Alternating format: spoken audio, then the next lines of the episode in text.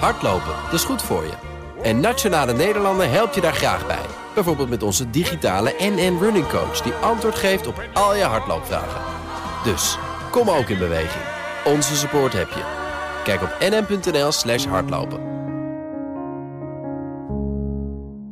Dit is de Oekraïne Ochtend Update. Mijn naam is Geert-Jan Haan. En ik ben Bernard Hammelburg. We praten hierbij over de laatste ontwikkelingen in Oekraïne. En de gevolgen voor en de reacties van de buitenwereld. Je vindt deze podcast in je favoriete podcast-app.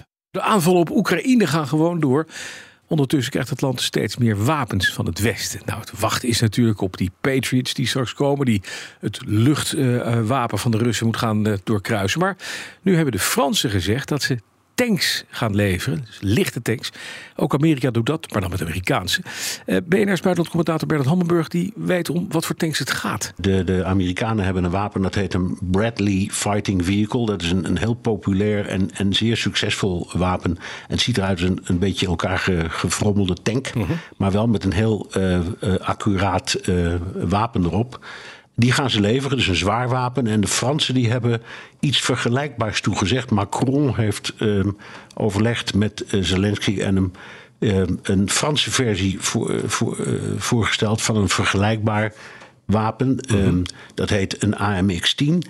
Die is veel lichter en veel kleiner. Ja. Uh, en ook daar hebben ze klaarblijkelijk behoefte aan. Waarom weet ik niet precies. Maar dat zal ongetwijfeld te maken hebben met uh, bijvoorbeeld uh, gevechten die, die zich afspelen in kleinere um, straten in steden en Ja, zo. Hè? Dus wij, van dat soort. En het, het, het uh, opmerkelijke, dat valt de, heel veel uh, internationale persbureaus meteen op. Dat is de eerste keer dat er een in Europa geproduceerd wapen naar uh, Oekraïne gaat. Mhm. Dat is misschien voor de, voor de statistiek interessant. Ik weet niet of het voor de strijd veel uitmaakt. Maar het is toch een stap. Ja. Dat een EU-land iets anders doet dan meebetalen of uit eigen voorraden wat doorgeven. Maar een eigen product gaat leveren. dus dat is wel bijzonder. Zeker. En dan Poetin, die zou een fregat de Atlantische Oceaan hebben opgestuurd met aan boord hypersonische raketten. Nou ja, dat zijn internationale wateren, dus dat mag je in principe doen. Maar waarom en waarom wordt dit gemeld? Ja, nou, het eerste wat ik deed, wel, ik, ik heb even op de kaart gekeken of ik mij misschien vergiste. Maar ik ben toch nu echt zeker dat Oekraïne niet aan de Atlantische Nee. Oceaan ligt. Precies. Dus eh, waarom de Atlantische Oceaan? Dat kan dus alleen maar zijn als dreigement tegen de NAVO. Want dat is een transatlantisch bondgenootschap. Dus als je, waar je ook in die eh, oceaan een wapen neerlegt... is het een bedreiging voor de NAVO. Ja. Dus dat zou het kunnen zijn. En dan komt hij weer met dat verhaal over de hyper- hypersonische raketten... Ehm, de- de- het enige wat ik daarvan weet is dat er zijn opnames van en filmpjes van geweest. Maar de mensen die er echt verstand van hebben, hebben hem nog nooit live gezien. Als dat wapen echt bestaat, is het wel iets heel bijzonders. Want het, het is dus een, een, een, een, een kruisraket. Maar, maar die, die, die, hebben, die gaan in het algemeen heel, heel langzaam. Hè. Die sukkelen als het ware op hun doel af. En deze gaat dus met, nou ja, met de, de, ongeveer de snelheid van het geluid. Dus het zou iets heel bijzonders zijn. Maar ik geloof het gewoon niet. Ja. Ehm, ik geloof niet dat hij in deze vorm bestaat. En zeker niet dan aan boord van een fregat. Want daar gaat het dan om. eh, helemaal naar de Atlantische Oceaan wordt gestuurd. Ik zou niet weten waarom. Dus het lijkt mij eerlijk gezegd. Eh, een, een van de vo- vormen van intimidatie of manipulatie.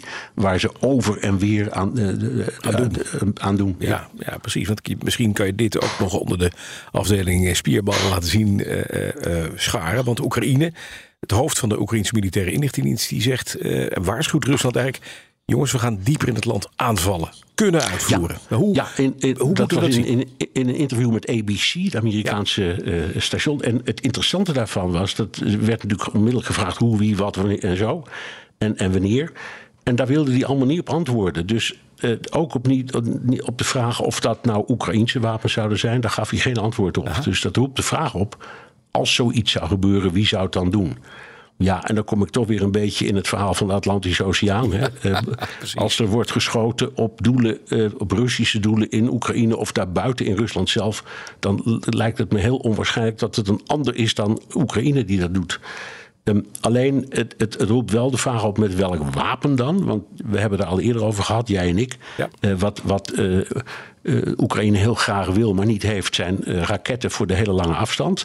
Maar ze hebben wel drones. En er is, er is een paar keer aanvallen geweest op een luchtmachtbasis niet zo heel erg ver van Moskou, waarbij ook een Russische bommenwerper is geraakt. En dat is gebeurd met drones. Dus het, ik denk eerlijk gezegd dat hij er heel geheimzinnig over doet, maar dat hij dat bedoelt. En tegelijkertijd een, ook een soort waarschuwing van denk erom, ook als we die, die, die zware raketten niet hebben, ons beleid is om aanvallen te gaan uitvoeren in Rusland. Dat is volgens mij het signaal. Dan eventjes naar iets anders, de graandeal. Want Rusland inspecteert de schepen van Oekraïne die naar Turkije gaan. Oekraïne beschuldigt Rusland ervan dat het die inspecties heel traag, bewust heel traag uitvoert. En zegt tegen Rusland: kom op, uh, versnel dat nou eens. Kan Oekraïne daar iets tegen beginnen? Ja, ze, de Russen, die, die, volgens de Oekraïners, die, die tellen elke graankorrel of zo. En het, is, het zijn van die, ja, het is een soort van douanepesterij. Ik geloof het verhaal ook wel hoor. Ja. Uh, en wat kun je eraan doen? Nou, ik zou uh, mijn mobiele telefoon pakken. En we weten zeker dat Zelensky die heeft. En dan met zijn sneltoets Erdogan bellen. En zeggen: Vriend, we hebben een probleem. Jij, hebt, jij hebt destijds met Guterres van de VN samen mm. die geweldige deal in elkaar gezet. Zou jij even met de Russen willen vragen of het wat sneller kan? Ik denk dat dit een gouden kans is voor Erdogan om weer een keer een, een, uh, nou ja, een stapje te zetten in deze kwestie. Wat hij al een aantal keren eerder heeft gedaan. Dat zei BNR's buitenlandcommentator Bernard Hammelburg. En het gonst al weken, maanden zelfs, van geruchten dat Rusland na oktober een nieuwe mobilisatiegolf aan het voorbereiden is. Maar in Oekraïne hebben ze daar zelfs een datum op weten te plakken. En dat is 5 januari, vandaag dus. We gaan erover praten met Joost Bosman, onze Rusland-correspondent in Moskou. Joost, goedemorgen. Goedemorgen. En met onze Europa-verslaggever en Oekraïne-watcher Geert-Jan Haan. Geert-Jan, goedemorgen. Goedemorgen. Even, wat claimt Oekraïne nou precies? Ja, Oekraïne uh, beweert al enkele dagen uh, dat uh, Rusland een nieuwe mobilisatie ehm, ja, aan het opzetten is. Je ziet dat Oekraïne nog actiever aan het waarschuwen is dan ze eerst al waren. En een beste voorbeeld hiervan is toch de hoogste inlichtingenbaas Budanov, die een interview gaf aan de BBC en sprak over die 5 januari. З 5 січня розпочати чергову хвилю мобілізації. Чи оголосять вони про це саме 5-го, я не знаю. В планах стоїть 5 січня. Nou, mijn Oekraïens is roestig. Uh, jou niet. Wat is die? 5 januari, Bas. Zoals ik had voorspeld. Nee, uh, dan gaan ze opnieuw mobiliseren. Met ze bedoelt Budanov de Russen. Dan komt er een nieuwe golf. Uh, ze mobiliseren terwijl ze weten dat de vorige niet gestopt is. En mensen op dit moment ook nog in volle vaart worden opgeroepen. Nou, en dan kijk je verder, want je ziet dat er meer waarschuwingen zijn. Het staat in Oekraïnse defensierapporten. Die zien ook voorbereidingen hiervan op de Krim. Zelensky waarschuwt in speeches hiervoor. Hoewel de speech van afgelopen nacht meeviel. Het enige wat ik daaruit kon opmaken is dat hij zei... ja, eh, een half jaar na de beloofde bevrijding van de Donbass... gaan ze er werk van maken. Maar ook generaal Zaluzhny, die gaf uh, onlangs nog aan... ja, uh, er moeten nog 200.000 Russen ingezet worden aan het front. En die gaan dan uiteindelijk Kiev omsingelen. Nou, daar hebben we nu nog geen signalen van. Maar dat soort waarschuwingen komen keer op keer langs. En dit is een datum die Oekraïne erop geplakt heeft. Ja, we gaan even naar Joost, Joost Bosman in Moskou. Joost, wat hoor jij hierover? Want ja, dit is informatie van de Oekraïnse geheime dienst. Hè? Wat zeggen de Russen? Ja, inderdaad, wat je zegt. Het komt uit Oekraïne. En daardoor moet je het misschien ook een klein beetje met een, een, een uh, ja, kritisch oog bekijken, natuurlijk. Maar ook de meer uh, pro- of anti-Kremlin uh, politicologen en experts. Die, die, die vaak ook al het land uit zijn. Sommigen zijn hier ook nog, zijn hier nog. Maar die zeggen ook allemaal: ja, een nieuwe mobilisatieronde is onvermijdelijk. En een van hen zei gisteren ook bijvoorbeeld: het heeft te maken met het feit dat Poetin eigenlijk deze oorlog steeds verder uitbreidt naar een oorlog met de NAVO. Hè. Ja. Hij heeft daar ook in zijn nieuwjaarstoespraak heel, heel uh, heel veel over gezegd. Uh, nou ja, dan, dan is het ook onvermijdelijk. Als dit een lange oorlog wordt en een oorlog met NAVO, als Poetin het zo ziet, dan heb je op de lange termijn heb je gewoon veel meer militairen nodig. En daarom zeggen zij, uh, ja, zal er gemobiliseerd worden. Het zal niet vandaag zijn, denken ze, omdat juist die datum is uitgelekt. en het Kremlin heeft er een hekel aan als plannetjes verraden worden. en zullen ze het uitstellen tot 10, mogelijk 15 januari. Zo is hun verwachting van deze politicologen. Uh, maar dat die uh, ja, nieuwe mobilisatieronde eraan komt, dat is voor hun in steen gebeiteld. Ja, zeker. Gert-Jan, nou, dat is, dat is dus zo. Maar wat denk jij? Wordt het inderdaad vandaag of, of zou het inderdaad, zoals Joost nu zegt, ja, het komt wel, maar het komt later? Nou, je moet dan ook naar verschillende uh, scenario's uh, uh, kijken. Er, komen orthodoxe feestdagen aan. We hebben gehoord en gemerkt de afgelopen periode tijdens onze kerst dat de Oekraïne wat meer de westerse kerst is gaan volgen. Maar Rusland houdt nog ook vast aan de, de orthodoxe periode. Dus het zou zomaar kunnen dat die mobilisatie over die feestdagen wordt gegooid. Ja. Maar het is ook nog de vraag, en dat kan Joost waarschijnlijk ook verder uitleggen. Um, ja, moet er wel officieel een mobilisatie worden afgekondigd. Want hm. de huidige is volgens uh, ons, en ik heb hier gisteren contact over gehad, eigenlijk helemaal niet, niet bijna. gestopt. Nee. Poetin heeft per decreet wel die mobilisatie um, uh, afgekondigd. Heeft vervolgens eind oktober aangegeven: ja, jongens, uh, we zijn klaar. Uh, maar heeft het papierwerk daarvoor niet officieel ingediend. Ja. Dus je kunt gewoon in het geniep doorgaan met mobiliseren, mensen van de straat plukken.